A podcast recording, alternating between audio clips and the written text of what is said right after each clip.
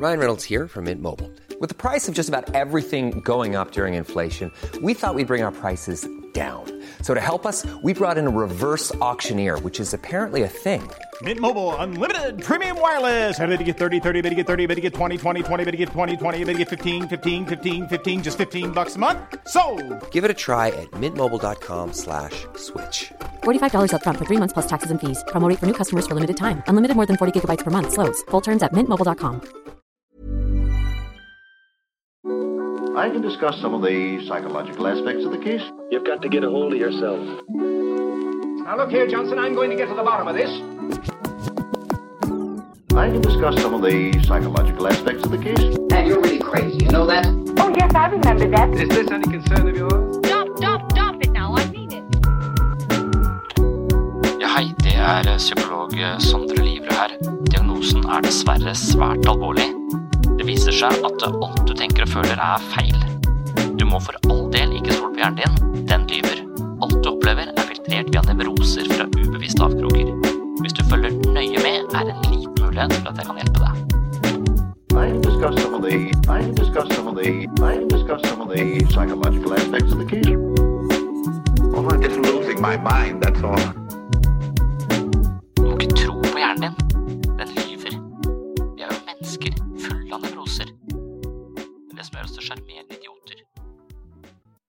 De fleste har hørt at eh, for mye stress er skadelig for oss.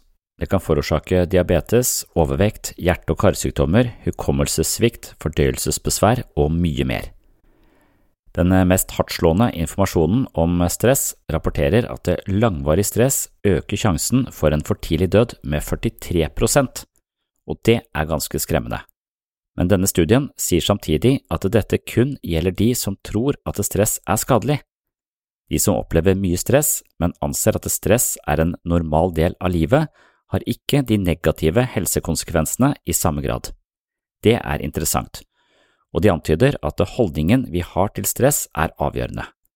Nettopp det poenget skal vi forfølge videre i dagens episode, men først, hva er egentlig stress? Det figurerer mange ulike definisjoner av stress, men de går omtrent som følger. Stress er når vi er i situasjoner som overskrider vår mestringsevne. At vi står på, prøver å få noe til, og så opplever vi å ikke ha ressursene som skal til for å klare det. Når vi blir stressa, energimobiliserer kroppen, altså at den gjør seg klar for innsats. Det skjer blant annet ved at kroppen skiller ut stresshormonet kortisol. Da mobiliserer kroppen ved at vi får frigjort blodsukker i blodet, musklene gjør seg klare for innsats, blod pumpes ut til musklene. Og dette er kjempebra når du skal komme deg vekk fra en løve, men når du sitter og har eksamen, så er ikke denne responsen nødvendigvis det du trenger. Men ikke all stress er farlig. Kortvarig stress det er bra for oss. Det å oppleve kortvarig stress er eh, absolutt ikke farlig, det er eh, veldig naturlig, og faktisk, det å ha noe kortvarig stress betyr at vi har utfordringer, og det lærer vi av. Det er også en rekke undersøkelser som viser at det mennesker som opplever en del stress, også er de samme som rapporterer at livet er meningsfullt. Vi er avhengig av stress, det er en del av det å leve, det er først når man ikke klarer å stresse ned igjen at det blir farlig. Stresshormonet kortisol hjelper oss blant annet med å stå opp om morgenen og til å forberede oss på mulige farer, og så går nivåene av hormonet ned igjen, men ikke alltid. Noen ganger kan nivåene forbli høye i flere år. Stress virker mobiliserende, og mobilisert er det du ikke ønsker å bli når du skal legge deg.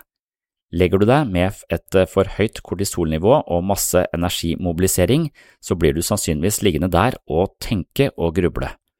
Da får vi ofte en god del negative følelser, og depresjonen kan dukke opp, særlig hvis vi har en hang til eh, mye selvkritikk. Så da er spørsmålet hvordan stresser man egentlig ned? Stressmestring kan man snakke mye om, og det er nettopp det vi skal gjøre i denne episoden av Sinnssyn.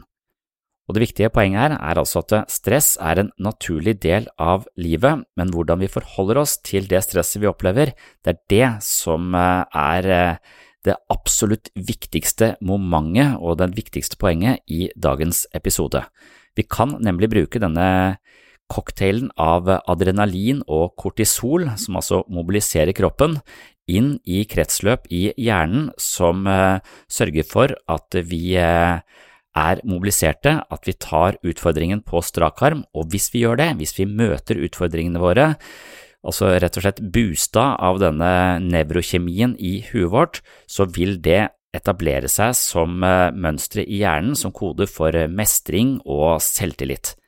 Men hvis vi syns at dette stresset er ubehagelig og vi blir såpass redde at vi trekker oss unna, så vil vi bruke den samme nevrokjemien inn i andre kretsløp i hjernen, for eksempel amygdala som kode for unnvikelse og frykt.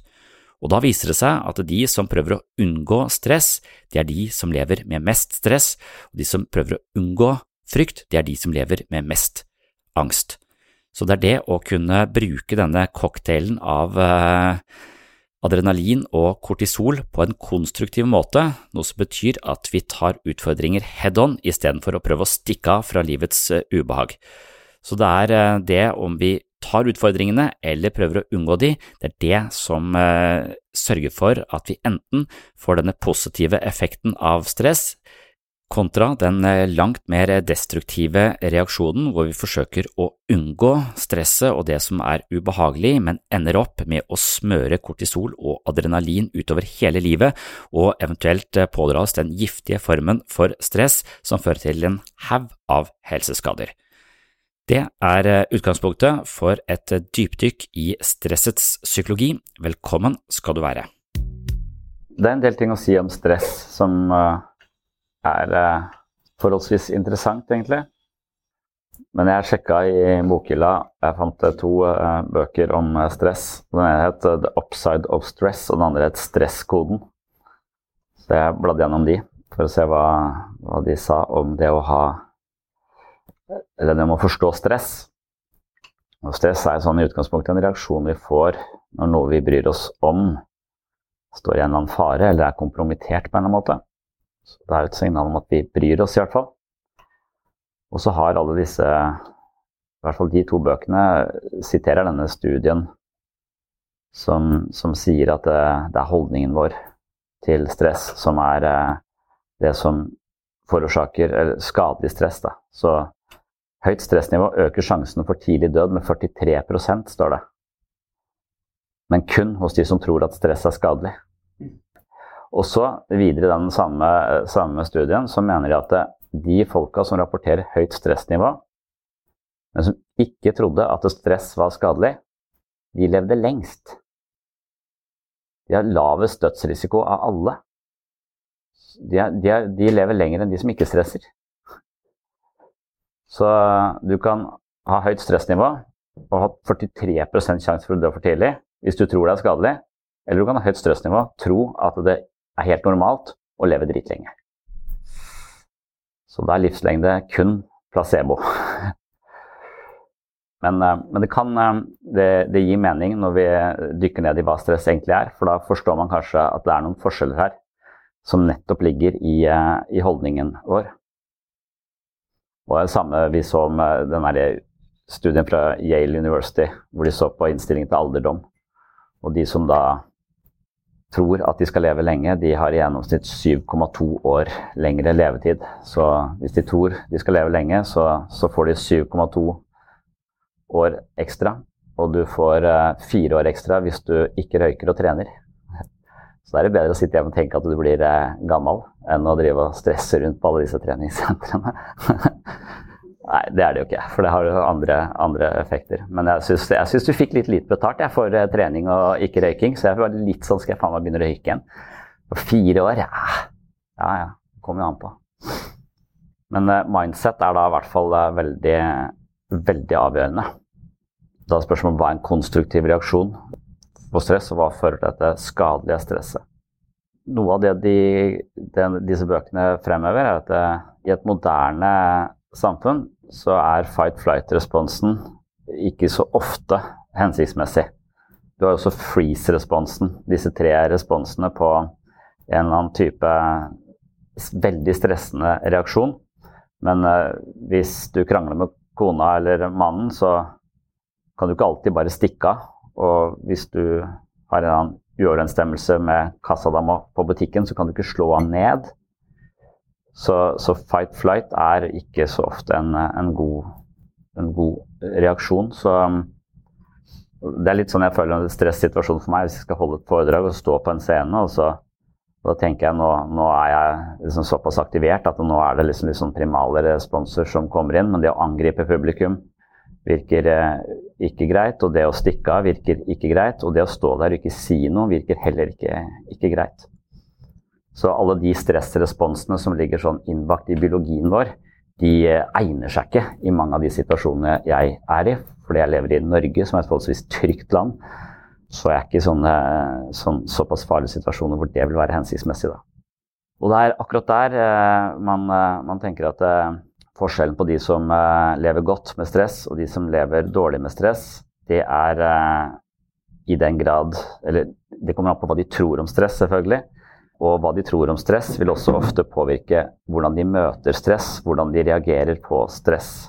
Så istedenfor da å eh, stikke av angripe, så kan man jo ved å forstå at eh, stress er tegn på utfordring.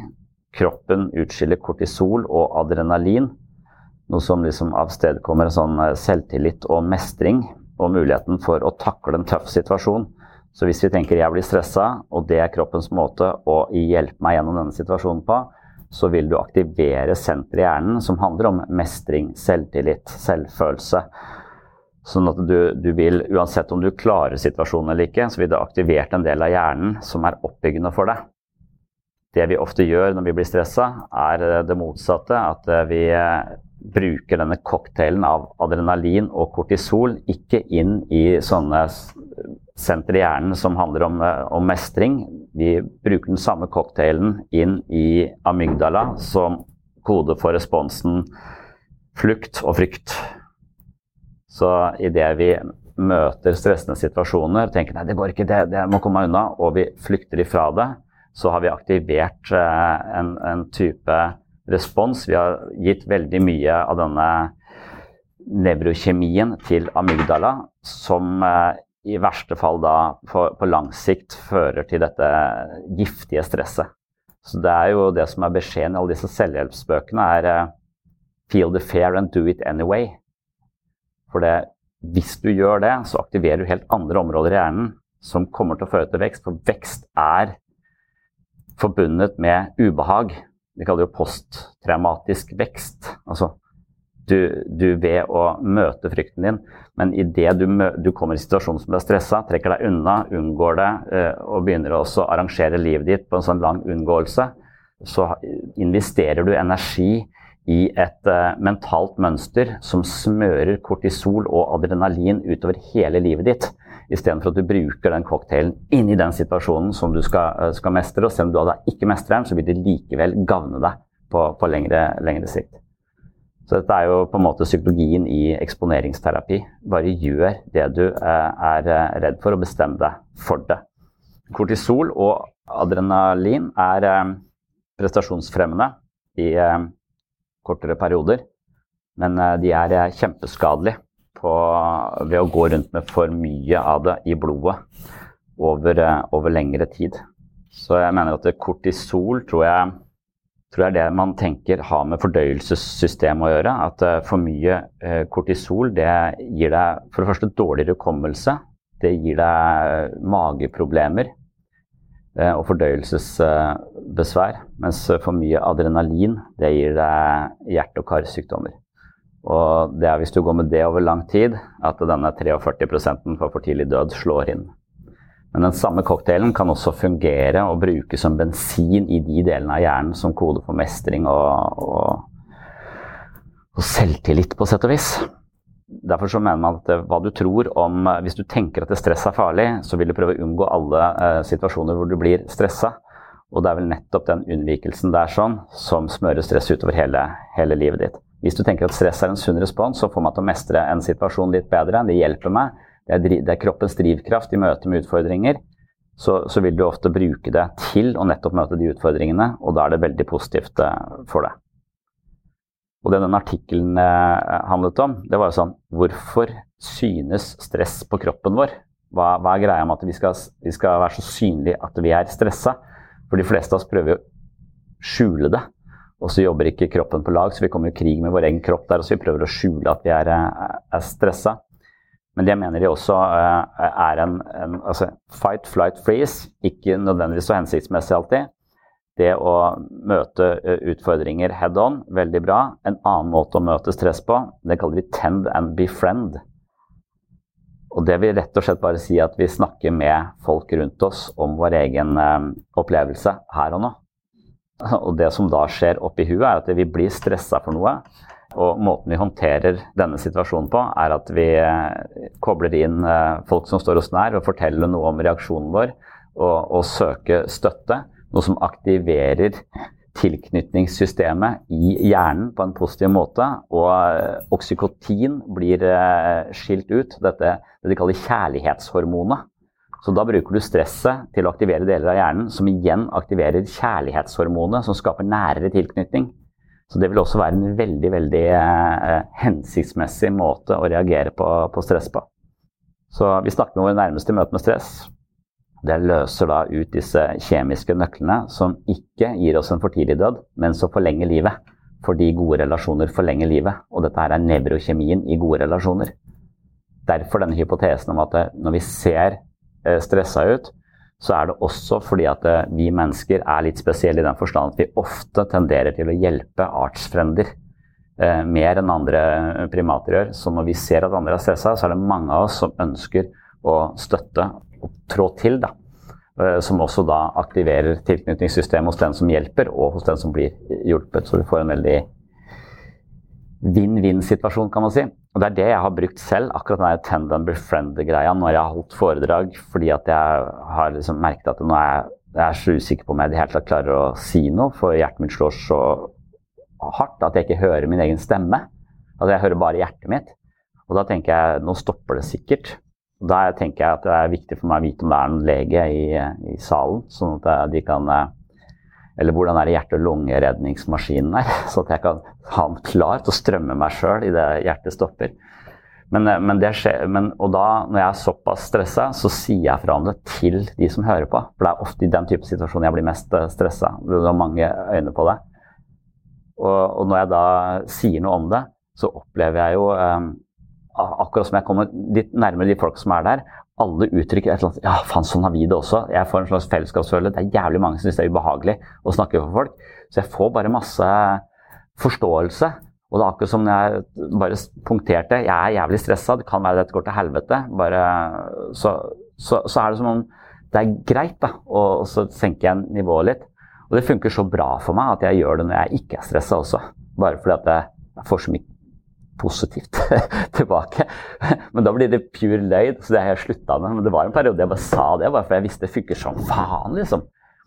For, det, for det, det, økte liksom Ja, det var bare et eller annet eh, Og nå skjønner jeg nevrokjemien i det. Hjernen min skiller ut uh, oksykotin når jeg da gjør dette. Kjærlighetshormoner. Når jeg innrømmer at jeg er stressa. Så det å være åpen og autentisk om hvordan vi har det Altså, det hjelper å snakke om det, uh, viser det seg. Wow. Vi har mistenkt det i psykologien veldig lenge. Litt det samtaleterapi er bygd på, liksom. Hvis du skal fortsette, altså, hvis du skal endre holdning til stress For mange er jo redd for stress og, og sånn. Og, og, det er grunn til å være redd for stress når det viser at det fremskynder døden. Hvis vi håndterer det feil. Men da er det vel så viktig da, å endre holdning til stress, sånn at vi ikke blir så redd for eh, stress. Og et kapittel i denne boka som heter 'The Upside of Stress', så står det et stressende liv er et meningsfullt liv. Og Det er også eh, interessant, eh, for der har de spurt 125 000 mennesker fra mange ulike land, 15 år oppover, om de hadde opplevd mye stress dagen i forveien. Og det viser seg at cirka, på tvers av alle land så er ca. en tredjedel av oss uh, har opplevd stress i går.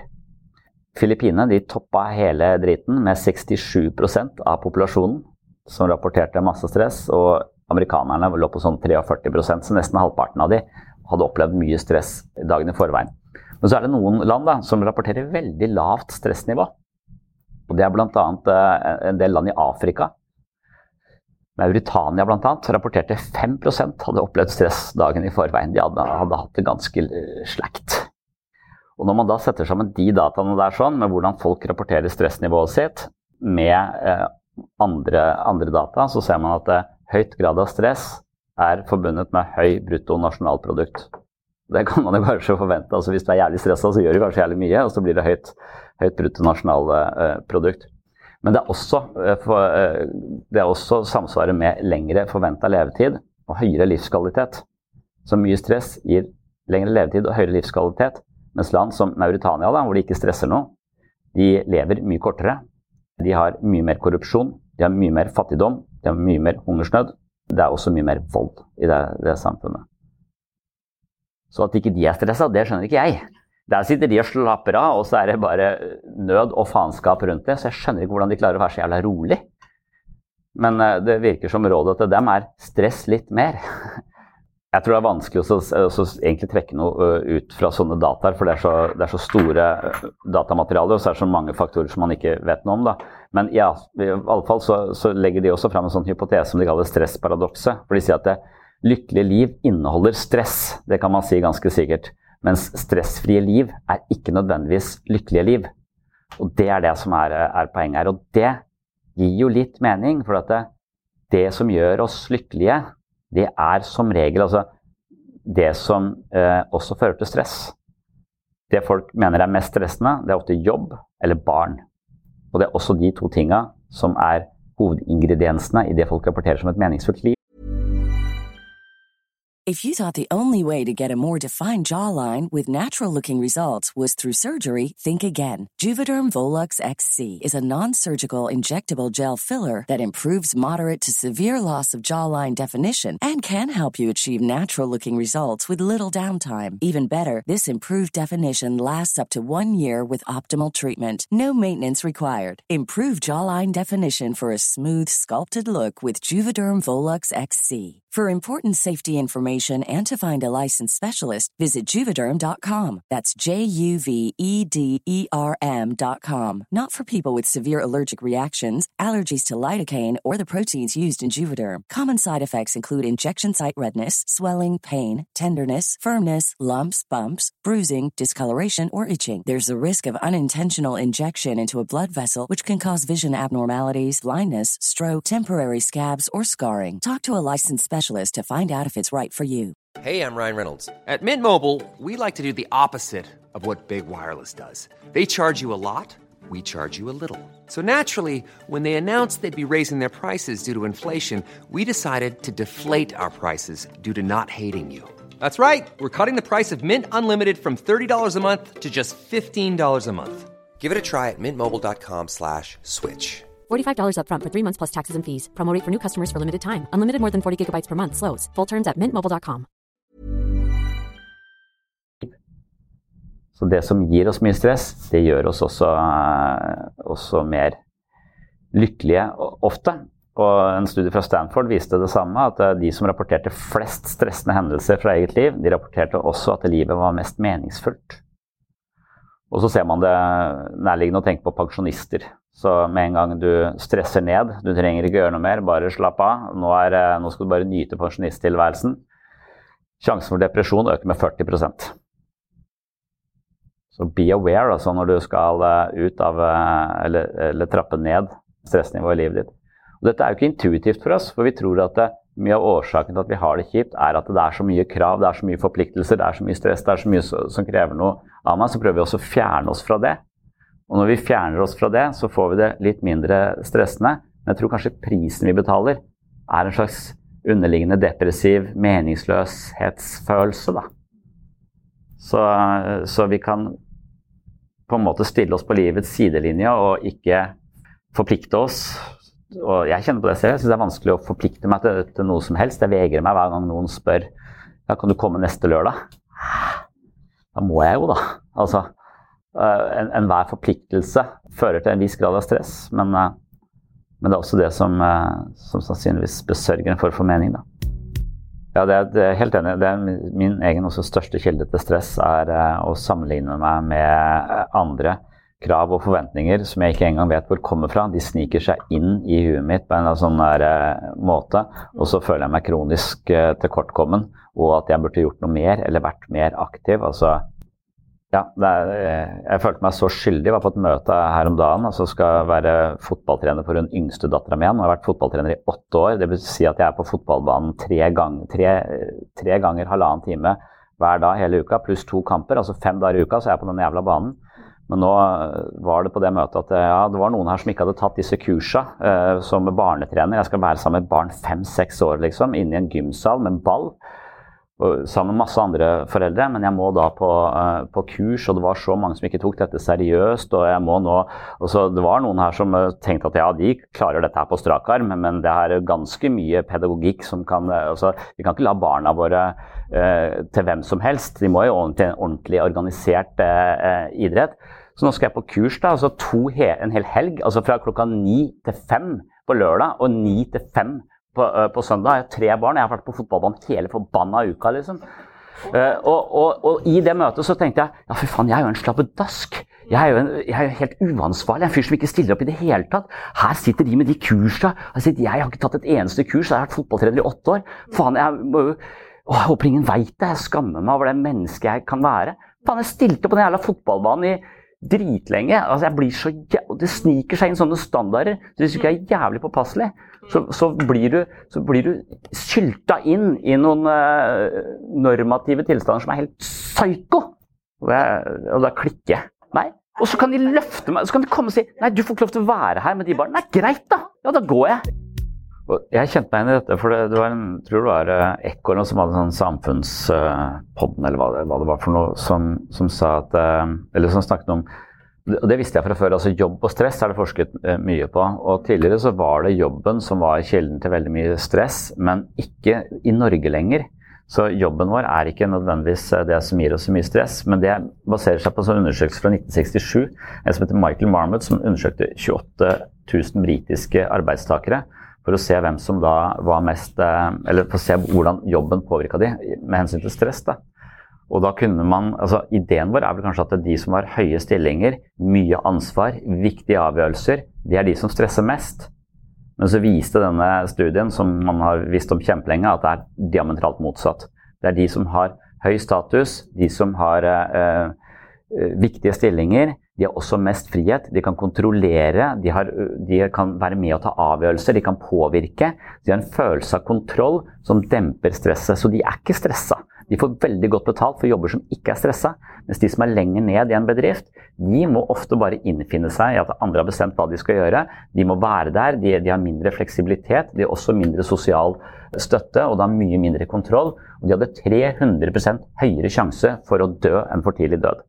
Så det er de arbeidstakerne som har lite innflytelse, som selvfølgelig blir mest stressa. Hvis du er liksom professor på en universitet, så kan du komme en dag eller du kommer på jobb, og så må du hjem med et sykt barn eller et eller annet du må ta deg av. Så kan du bare gå. Ingen som vet, ingen som merker det, liksom. Du sitter på kontoret og tenker. Altså, det er, eh, og så har du noen forelesninger nå og da, og så var det en kollega som tok over det. Liksom, du har fleksibiliteten til det. Men, du, men, mange av de andre yrkene, de, hvis du ikke er der, så, så blir, får du sparken. Eller, du, du, er pressa på en annen måte. da. Og, men i Norge så har vi tatt dette inn over oss. Det er veldig få, det er kun 10 sier de som har den typen jobber som skaper det stresset der, sånn at du er fanga, liksom. Men det er veldig mange som opplever det også motsatt nå. Det er fritida vår som fanger oss på denne måten her. sånn. Og det det er derfor jeg tenker endelig er ferien over. Ja, for, for, det er jo en slags enorm befrielse å kunne komme tilbake og tenke sine egne Men, men bare, det, altså, det, er derfor jeg savner pandemi òg. For da, da skrus det der aktivitetsnivået som handler om Barn, aktiviteter, foreldremøter, tidsfrister. Altså, min fritid er så jævla mye mer bestemt og organisert enn min altså, Det er ganske organisert her på jobb også, men jeg kan styre det selv. Hjemme kan jeg ikke det. Det er alltid noen andre som krever hvor jeg skal være hele forbanna tida. Så hvis jeg blir utbrent, så er det fra hjemme. Da, da må legen skrive en omvendt sykemelding der. Du må jobbe 200 i de neste, i de neste månedene for å bli kvitt dette giftige stresset du går rundt med. Det er godt jeg har seng på kontoret.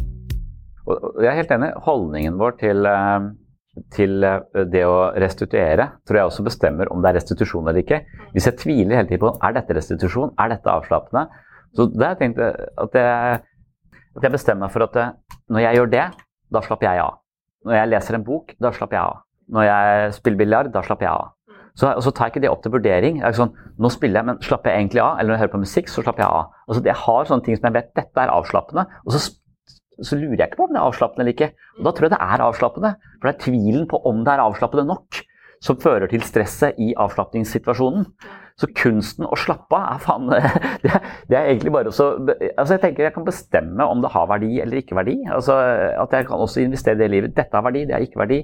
Dette er avslappende, det er ikke avslappende. Og hvis du har såpass mye bestemmelsesrett over hva som, eller definisjonsmakt over hva som er avslappende, så kan du si at uh, hva som helst er avslappende. Altså det er avslappende å stå i kø. altså, hvis du, hvis, da skal du være god, for det, det, det klarer jeg ikke ennå. Uh, men mange får det til. Da Da kan jeg sitte og tenke og filosofere over livet, og da kommer jeg meg ikke noen vei uansett. Men det skal jeg fram, faen! Men hva er det med de uh, folka som klarer å la de situasjonene um, ligge, eller sånn det er jo spørsmålet Det er jo på en måte Stresset oppstår vel hver gang vi i en situasjon på en måte kanskje mister kontrollen, ikke føler kontroll, eller tenker at situasjonen burde vært annerledes. Så vi krangler med det som faktisk er, istedenfor å akseptere at det som er, det er sånn som det er. Og så, så tenkte det burde vært annerledes. Og det er vel akkurat i den eh, spagaten der at, du, at hele nervesystemet aktiveres Det er en sånn stressrespons. Eh, og det å da også endre perspektiv og, og, i den situasjonen, det er vel kanskje det som er kunsten. Og det er spørsmålet hvem er det som klarer det. Og Det syns jeg var litt interessant, for det var en studie, en som heter Teresa Bentancourt, eh, professor i barnehelse og menneskerettigheter. Hun studerte barnesoldater i Sierra Leone. Og de hadde jo vært brukt som menneskelig skjold i krig. De hadde vært brukt som sexslaver. De hadde blitt tvunget til å drepe familiemedlemmer, tvunget til å begå voldtekter. Og, og, det der er en gruppe som da også Noen av de dør jo selvfølgelig, men noen av de vokser opp. Og hvordan ligger de an? Og dette er visst eh, blant de mest resiliente gruppene i verden. Altså de, de, er enormt resiliente. De tåler ekstremt mye. Og de har veldig ofte ganske høye ambisjoner om å bli lege, journalist, lærer, hjelpe andre. Og de tåler veldig mye motgang. Så det er som om eh, perspektivet deres, denne, eller det de tenker, er at grusomhetene de da har opplevd, har gitt dem en såpass stort perspektiv og en såpass brei referanseramme at uansett hva som skjer av trivialiteter i livet deres, så er det peanuts. i forhold til, Så de, de, de lar seg ikke i like stor grad. Da. Og Det må være fordi det ikke har utviklet PTSD, men at dette har blitt posttraumatisk vekst for dem av en eller annen, en eller annen grunn. Og da kan det hende også fordi at hvis de hadde vært barnesoldater i Norge og opplevd dette, så tror jeg kanskje at samfunnet hadde eh, fortalt dem hvor skada de er, og at de hadde blitt ganske skada av det, og ikke, ikke nødvendigvis resiliente. Da. Men det, det er jo en Det er mange som, som mener at det, eh, det er liksom den ubekrefta selvet, eller det selvet som ikke helt vet hva det er. Men hvis du blir banka opp hver gang du gjør noe feil, så veit du litt hvem du er, og du veit litt hva som er rett og galt. Og ambivalensen uteblir, og det er kanskje på et eller annet nivå ja, mindre stressende å forholde seg til. Er tydeligere. Men så skal jeg gjøre det, skal jeg gjøre det, burde jeg gjort det, skulle ikke gjort det. Dette, altså, det derre mentale fengsel av tvil, da, det tror jeg er eh, en kilde til stress. Det er langt inn i ja. ja. Hvis man ikke vet, eh, vet Det er jo Bateman mente jo at dette, det du beskriver der, altså den, den uklare tilbakemeldingen, eh, den ikke konsekvente tilbakemeldingen, som er på en måte kilde til din selvforståelse, jeg blir jo det du forteller meg at jeg er. Og hvis det er uklart og det ikke er noe samsvar mellom det jeg gjør, det jeg sier, eh, det jeg føler og det du eh, melder tilbake til meg, så, så, blir du ikke et helt selv. Det var han Bateman sin eh, idé, og han mente at det kunne i hvert fall føre til alvorlige sinnslidelser. Han tenkte det også var, var familiedynamikken i schizofreni. At det, det, var liksom en utrygg og uklar og ambivalent tilknytningsstil. Jeg veit ikke hvem jeg er. Eh, og så må man finne ut det på egen hånd. og det, det, er noen som klarer, men det er noen som også bare blir totalt forvirra. Og da kan jo psykosen ligge rett rundt hjørnet. Det er veldig relasjonelt hensynsfullt da, å drive og monitorere for andres følelser og tenke at alle skal ha det bra og sånn, og det er litt sånn selvutslettende. Men det, det er jo også veldig det er en veldig relasjonell orientering, og jeg tenker at det er en kjempekilde til stress, for det er så mange faktorer der du ikke kan kontrollere for, eller egentlig vite sikkert. Så, så du, du, lager et sånn umulig regnestykke med altfor mange ukjente variabler. Og du skal drive og tenke på det hele tiden. Og jeg tror det er der den der kvinnelige eh, depresjonen kommer fra. Som er mer det vi snakket om sist, var det en slags kjønnsdifferanse mellom det å bekymre seg. At, det, at kvinner hadde en større tendens til å drive med en sånn type grubling som førte til depresjon.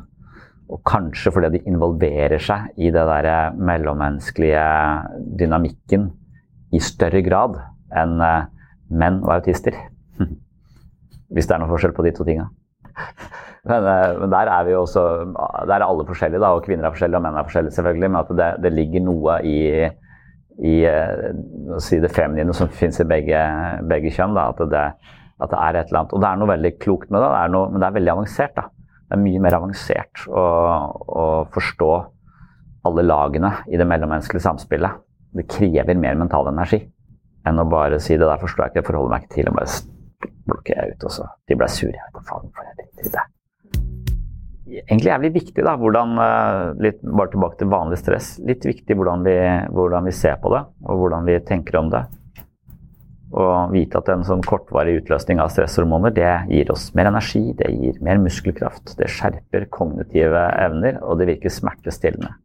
Så en umiddelbar stressreaksjon, hvis du da investerer den i dette nettverket som eh, møter utfordringer og, og, tar ting der og da, så, så har du vokst. Men med en gang du bruker den samme reaksjonen til å tenke at dette her er feil, dette må jeg komme meg unna. dette her, eh, Så, så, så paradokset her er jo at de menneskene som møter frykten sin ansikt til ansikt, det er de menneskene som har minst angst. Mens de menneskene som unngår farlige situasjoner eller situasjoner hvor de blir stressa, de har mest angst. Så det er jo i unngåelsen av det du er redd for, at angsten kronifiserer seg gjennom hele livet ditt, og du får den giftige stressresponsen. Men hvis du møter det du er redd for, så, så, så vil du De menneskene lever med mye mindre angst. da. Summa summarum. Det er det vi har snakket om. Altså det mener jeg er tematikken i alle uh, skrekkfilmer. Og spesielt med denne Pennywise-klonen. At det er ikke naturlig for oss. altså Hvis jeg er i en situasjon jeg skal holde for Min reaksjon på foredrag nå er at jeg sier nei til alt. Jeg holder ikke mer. Og det er å prøve å flykte fra. Det er ikke noe, det er ikke noe sunn eh, reaksjon, i hvert fall ikke når jeg leste om stress. når jeg sier, så burde jeg gjort det, gjort det annerledes. Men, men, det er naturlig for oss å komme oss unna situasjoner hvor vi blir redde, hvor vi er usikre. Det er ikke sånn helt naturlig for at, at all vekst er forbundet med denne typen ubehag. Så hvis jeg unngår alt sånt ubehag, så slutter jeg å vokse, og jeg visner som menneske. Men det er omtrent like, eh, like unaturlig som å møte en eller annen sånn jævla psycho-klovn og tenke at fy faen, nå flytter jeg til et annet land for den klovnen der følger etter meg. Men så viser det seg at den klovnen den, den, den, eksisterer jo bare hvis du er redd for den. Og den, den, vil følge deg resten av livet ditt og ta livet av deg hvis du prøver å flykte fra den. Så løsningen er å gå hjem til klovnen, ned i kjelleren der den hører til. Det er, liksom, det er, det, det er sånn disse barna i denne filmen håndterer frykten sin. Til slutt så skjønner de at det går ikke an å stikke fra den klovnen. De må hjem til klovnen, de må møte klovnen, konfrontere. Jeg skjønner ikke hvordan de kommer til den konklusjonen. For det er en veldig unaturlig konklusjon. Men, men du ser også ja, De lever jo litt sånn eh, Hele livet deres er litt farlig. De lever jo på 80-tallet, disse barna. Og De er jo de er omgitt av eldre barn som er eh, livsfarlige og kommer til å ta livet av dem. Så det er liksom hele scenen der. Altså, de andre barna er dritfarlige, men, men det er klovnen som er bildet på, på frykten. Da. Og det å, å møte den eh, så, så, det er litt det altså, vi, Når vi har en stressrespons, så er det som om Pennywise smiler til oss, og vi kan da si, gå mot den og møte vår egen frykt. Da vil den ikke kunne ta livet av oss eller skade oss. Den vil føre til mestring, og vi blir frie. Eller vi kan prøve å stikke av. Det, det, må man huske på når man er i stressende situasjoner. At idet du eh, flykter, flykter, så er du inne på et spor som kanskje er greit der og da. da. Eh, og du kom deg unna en ubehagelig situasjon. Men det mønsteret, det er å investere i et potensielt sett skadelig stress på lengre sikt. Ja, det er noen stakes, liksom. Det er et eller annet som betyr noe. Og hvis ikke det betyr noe, så er det heller ikke noe grunn til å være stressa. Men hvis det betyr noe, så vil du også måtte ha en reaksjon på at det betyr noe. Så et stressende liv er et uh, meningsfullt liv. Og akkurat den stemmen som sier 'nei, jeg må ikke stresse, slapp nå av, ta, ta litt roligere', den, den, ideen vi har om at stress er uh, skadelig for oss, det fører også til en slags at mange involverer seg i en sånn løgn uh, i mange situasjoner. Hvor du, hvor du, liksom prøver å si til selv 'jeg er ikke stressa, det, det, går fint'. Altså, du prøver å, å lyve litt istedenfor å erkjenne at det, 'ja, nå er jeg ganske aktivert'. Det, det, var det flere, flere studier på spesielt med studenter som skulle, ble bedt om å holde et foredrag for klassen, veldig sånn på kort varsel. Hun, eh, hun, det var på Harvard Business School, tror jeg, og hun som eh, gjennomførte den studien, hun sa til den ene gruppa at de bare skulle si til seg selv Si til deg selv 'jeg er rolig', du er rolig, pust med magen, jeg er rolig. Bare, bare, bare si det mange ganger til deg selv 'jeg er rolig' før de går opp, på, på scenen. og så Prøv å overbevise deg selv da, om at de er, eh, er rolig, noe som er løgn for majoriteten av de. Mens den andre gruppa den ble bedt om å si si til deg selv I am excited. Altså, og det vet jeg, jeg er oppstemt, da, eller jeg er engasjert. Ja, ikke nødvendigvis spent, vil jeg si, for de, de, var nok redde for eh, den situasjonen de skulle i. Jeg er spent, jeg er spent. Altså, men det er en mye ærligere anerkjennelse av sin egen uh, situasjon. Så, så, det er jo litt også, også ikke prøve å tvinge følelsen vekk, eller si at følelsen er feil, eller noe sånt. Det er å anerkjenne følelsen. Og resultatet var veldig veldig sånn, uh, åpenbart at de menneskene som sa til seg selv 'jeg er spent og jeg er oppstemt for, foran dette her', de virket uh, mye tryggere på scenen, og de virket mye mer overbevisende. Så det ble rangert som veldig mye mer overbevisende. Og de som satt i salen, visste jo ikke hva slags beskjed de hadde fått. Uh, men, men, de som da hadde fått beskjed om å messe på et mantra om at 'jeg er rolig', de ble ansett som mer usikre og mindre kompetente som forelesere. Ja, det er liksom sånn, Noen sier at angsten blir fordummende, at, at hjernen min stopper helt å fungere. Så når jeg er i denne situasjonen, Noen sier det i gruppeterapi, at det er så stressende å være at jeg, jeg, er helt blank. Jeg har ikke noe, Det er ingenting her. Så de føler at de blir nesten sånn ja, De blir overvelda, men det føles nesten som en hjerneskade. liksom. Det er helt blankt. Det er ikke noe, Jeg har ikke noe å komme med. Så, så helt enig. Så, så det derre stressnivået stress eh, her er helt sånn da, da, tror jeg du må komme inn veldig mange andre sånne F.eks. måten du tenker på, måten du tror på tankene på, hvordan tankene tar deg til bekymringer for fremtiden, grublinger fra fortiden.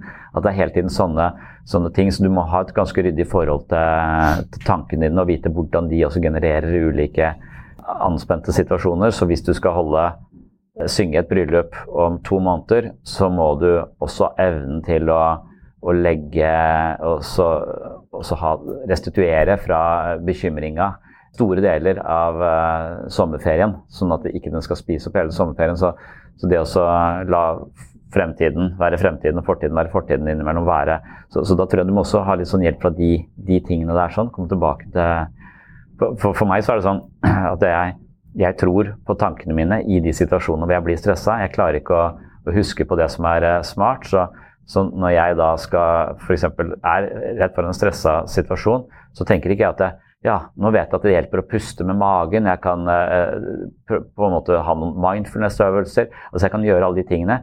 Da tror hjernen min at ja, men hvis du ikke bekymrer deg for dette nå, så eh, er du ikke på ballen. Da kommer du til å drite deg ut. Du er nødt til å bekymre deg. Dette her er forebyggende. Hvis ikke du bekymrer deg maks nå, så, så, kommer du til å ikke vite hva du skal gjøre i de neste, den neste timen. Så, så det, jeg tror hjernen min forteller meg at nå er det viktig for deg å bekymre deg så inn i helvete som nesten ikke fungerer. Eh, så jeg klarer ikke å stole på at jeg, at jeg kan liksom uh, puste og finne tilbake til, uh, til, til ro. Da. For det er jo mulig å skru av stressresponsen, og det er en litt annen variant av dette. Det er jo akutt stress kan skrus av.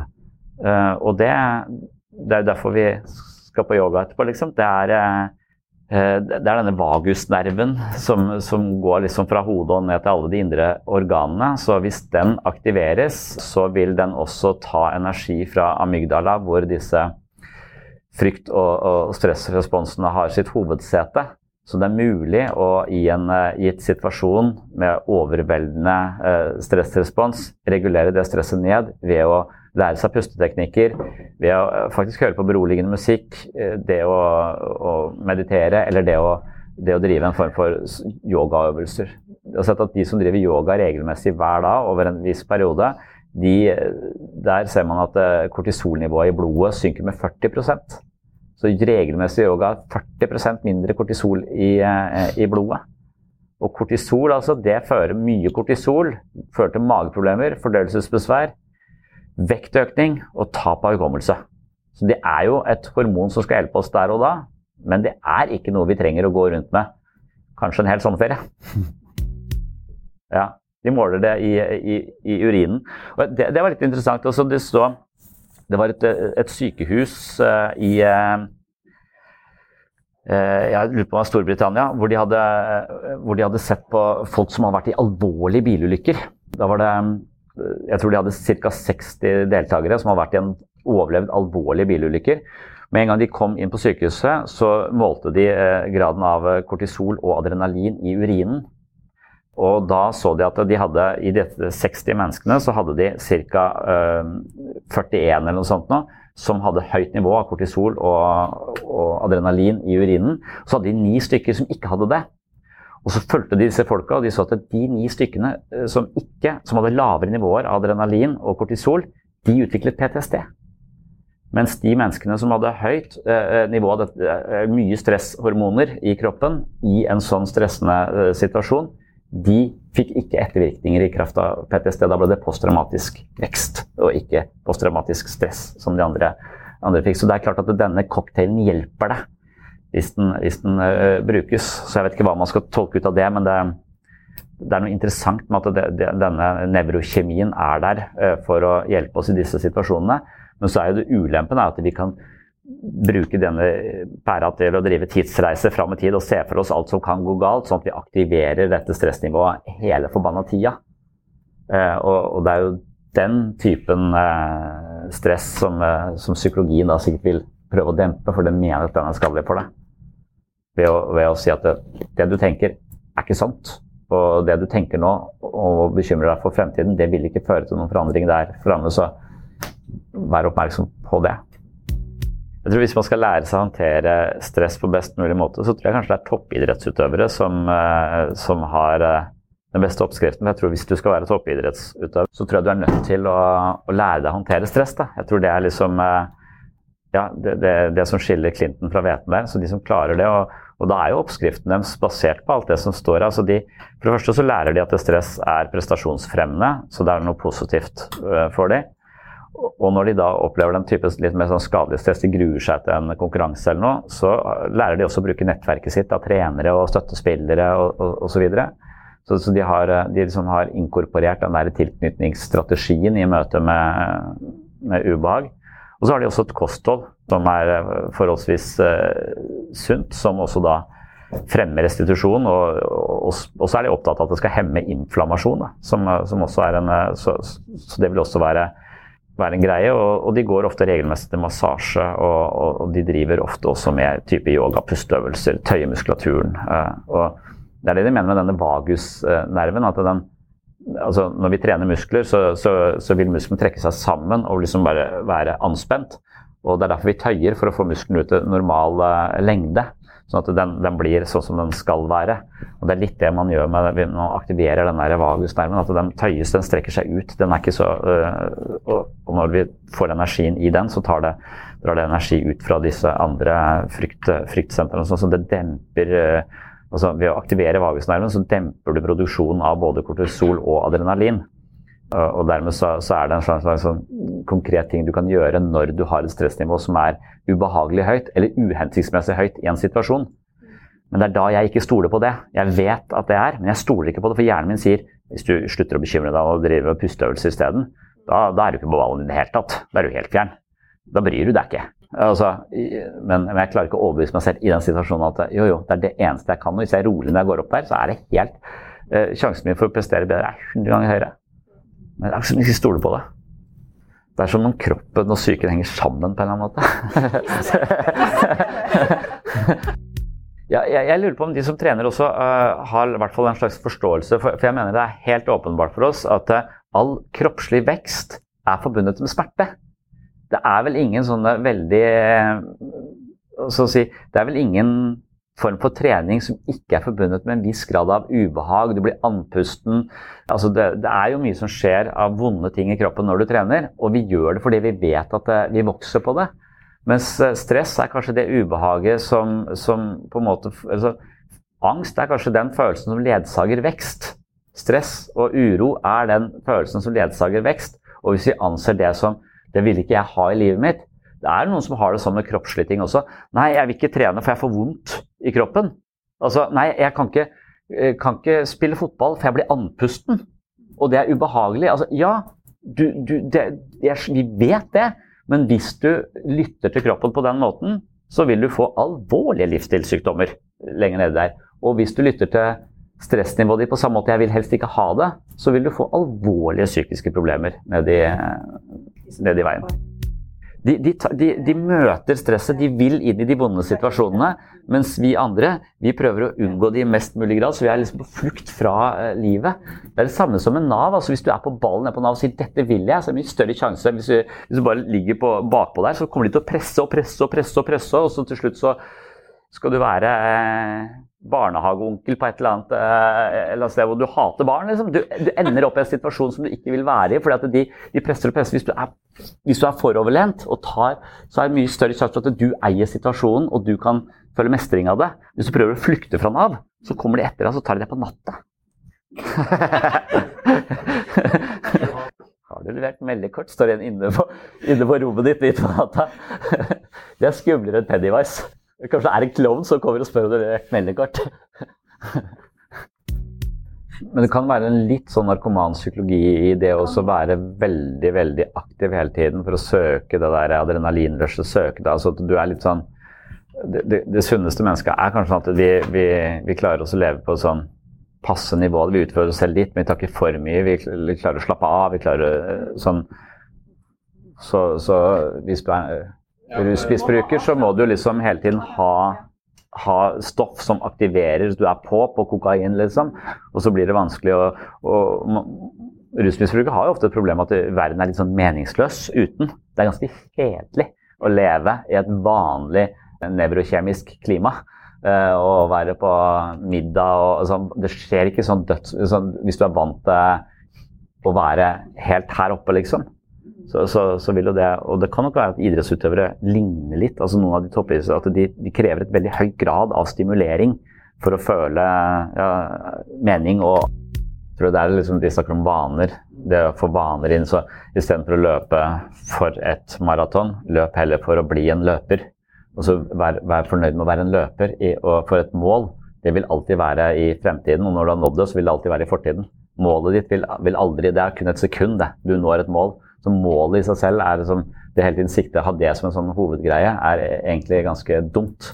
For det vil alltid ligge enten i fortiden eller i, ja, bak deg. Så, så, så, det å gjøre det fordi at dette gir livet mitt mening her og nå, og det jeg liker å ha dette som en slags rutine i mitt, mitt liv men det der er kontinuumet som vi alle lever på, og at det, vi på en eller annen måte har en slags ansvar å finne, som alt annet, en annen balanse der en passe motivasjon, en passe drivkraft. En passe, være passe ambisiøs, men overambisiøs, for mye drivkraft. Det, da, da, brenner du deg liksom helt ut i andre enden. Og ja, jeg har barn som er på hver sin ende av den skalaen. Og så har jeg en, en, datter som uh, skjuler at hun uh, er så sliten at hun spyr i skauen før neste kamp. Uh, og vil ikke si det til noen, for du skal bare på, og jeg er redd for at du kan stryke med. Men så er det en sønn som får litt vondt her, og så Nei, nå, nå ble det for mye, nå, nå trekker jeg meg unna. Altså, at, at, det er ingen så Den ene må bremses, og den andre må, må stikkes med gaffel. Og, det er, det er, de er jo tre år mellom de, liksom, og de har vokst opp i samme husstand. Men det er en stor grad forskjell på hvordan de eh, møter disse tingene her. sånn. Mitt svar på det vil være sånn umiddelbart. Jeg tror det er mange svar, men umiddelbart så vil jeg anta at uh, jeg er sånn, Broren min er, er sånn han, han, er mye latere, mye langsommere. og ikke spesielt sånn, Mens jeg er mer sånn på ambisiøs. Så, så, så, de er i hvert vårt sånn spekter. Jeg har alltid tenkt at det handler om en slags egosvakhet hos meg. At jeg trenger å prestere for å ha verdi. Men sånn tenker jeg har verdi, så jeg faen. Så det er, det, er, et slags ego uh, som uh, Et egounderskudd driver uh, aktiviteten, på en måte. Og det er ganske motiverende, fordi jeg jeg, jeg, søker en eller annen anerkjennelse. Sånn tenkte jeg i hvert fall om meg som, som barn. Da, at jeg søkte og trengte anerkjennelse. Mens etter hvert som jeg føler at jeg blir eldre og anerkjennelsesbehovet avtar, så føler jeg også at motivasjonen står litt i, i fare. Så, så, det å være ego, uh, ha litt sånn skjørt ego, det er jævla motiverende. Etter hvert så får de sånn lite sånn termometer som de bare opererer inn i tinningen på folk, så ser de om de ligger innenfor grønn sone på passe stressa. Du er for lite stressa. Da begynner de å stikke de med ting. Eller gi de små strømstøt. Men jeg, jeg, tror ideen, eller håpet som et positivt menneskesyn, er at idet egobehovene avtar, og du ikke gjør ting for å bli sett og anerkjent, så, så vil du plutselig bli mer raus og mer empatisk, og du gjør ting fordi det er mening utover deg sjøl, så du blir mer sånn dugnadsorientert etter hvert som du, så du er litt mer med på dugnad. Ikke for å skinne eller for å se at naboene bidrar, men rett og slett bare for at du ønsker at fellesskapet skal ha det bedre. Eller at du engasjerer deg i en menighet eller et eller annet som du mener er større enn deg sjøl. Så de beste, de beste av oss er ikke motivert av egobehov, de er motivert av eh, Men spørsmålet er den motivasjonen er like sterk. Jeg føler de spisse albuene ser meg, og så er jeg, har, har litt mer brodd. da. Det var det jeg hadde om stress i denne omgang. Den eh, beskjeden du bør ta med deg, er eh, hvis du tror at stress er skadelig, så risikerer du å bli stressa hvis du føler deg stressa. Imidlertid er det sant at langvarig stress er skadelig, men for mye kortisol og adrenalin i blodet over lengre tid vil immunforsvaret svekkes, og man risikerer å pådra seg hjerteinfarkt, infeksjoner, overvekt, diabetes, eksem, psoriasis og mye mer. Så da er det vel grunn til å være bekymra for eget stress. Og det er her stresspsykologien introduserer en interessant tvist. Stress over eh, lang tid kan avstedkomme 43% større sjanse for en tidlig død, men kun hos dem som tenker at stress er skadelig. De som anser at stress er en normal del av livet, er ikke like utsatt for de skadelige effektene av stress. Og hvorfor er det sånn? Det var det jeg prøvde å eh, undersøke i dagens episode av Sinnssyn. Og vil du vite mer om stressmestring, så har jeg laget en videoleksjon om dette, som du da finner i Sinnsyn-appen eller på Patrion. I Sinnsyn-appen så er det i tillegg masse stressmestringsøvelser, meditasjonsprogrammer og ulike forelesninger om hvordan vi eh, senker skuldrene og slapper av for å hvile kropp og sinn. Så hvis du er en person som eh, mistenker at du går med litt for mye stresshormoner i systemet, så kan eh, det å sjekke ut de ulike stressmestringsteknikkene i denne Sinnsyn-appen, altså det jeg kaller et mentalt helsestudio, kanskje være noe for deg. Sjekk det ut, den er gratis å laste ned, du kan også høre på denne podkasten via Sinnsyn-appen, og hvis du da åpner et abonnement, så får du tilgang til alt av materialet der inne. Takk for følget, og velkommen tilbake i neste episode. Oh, I'm just losing my mind, that's all.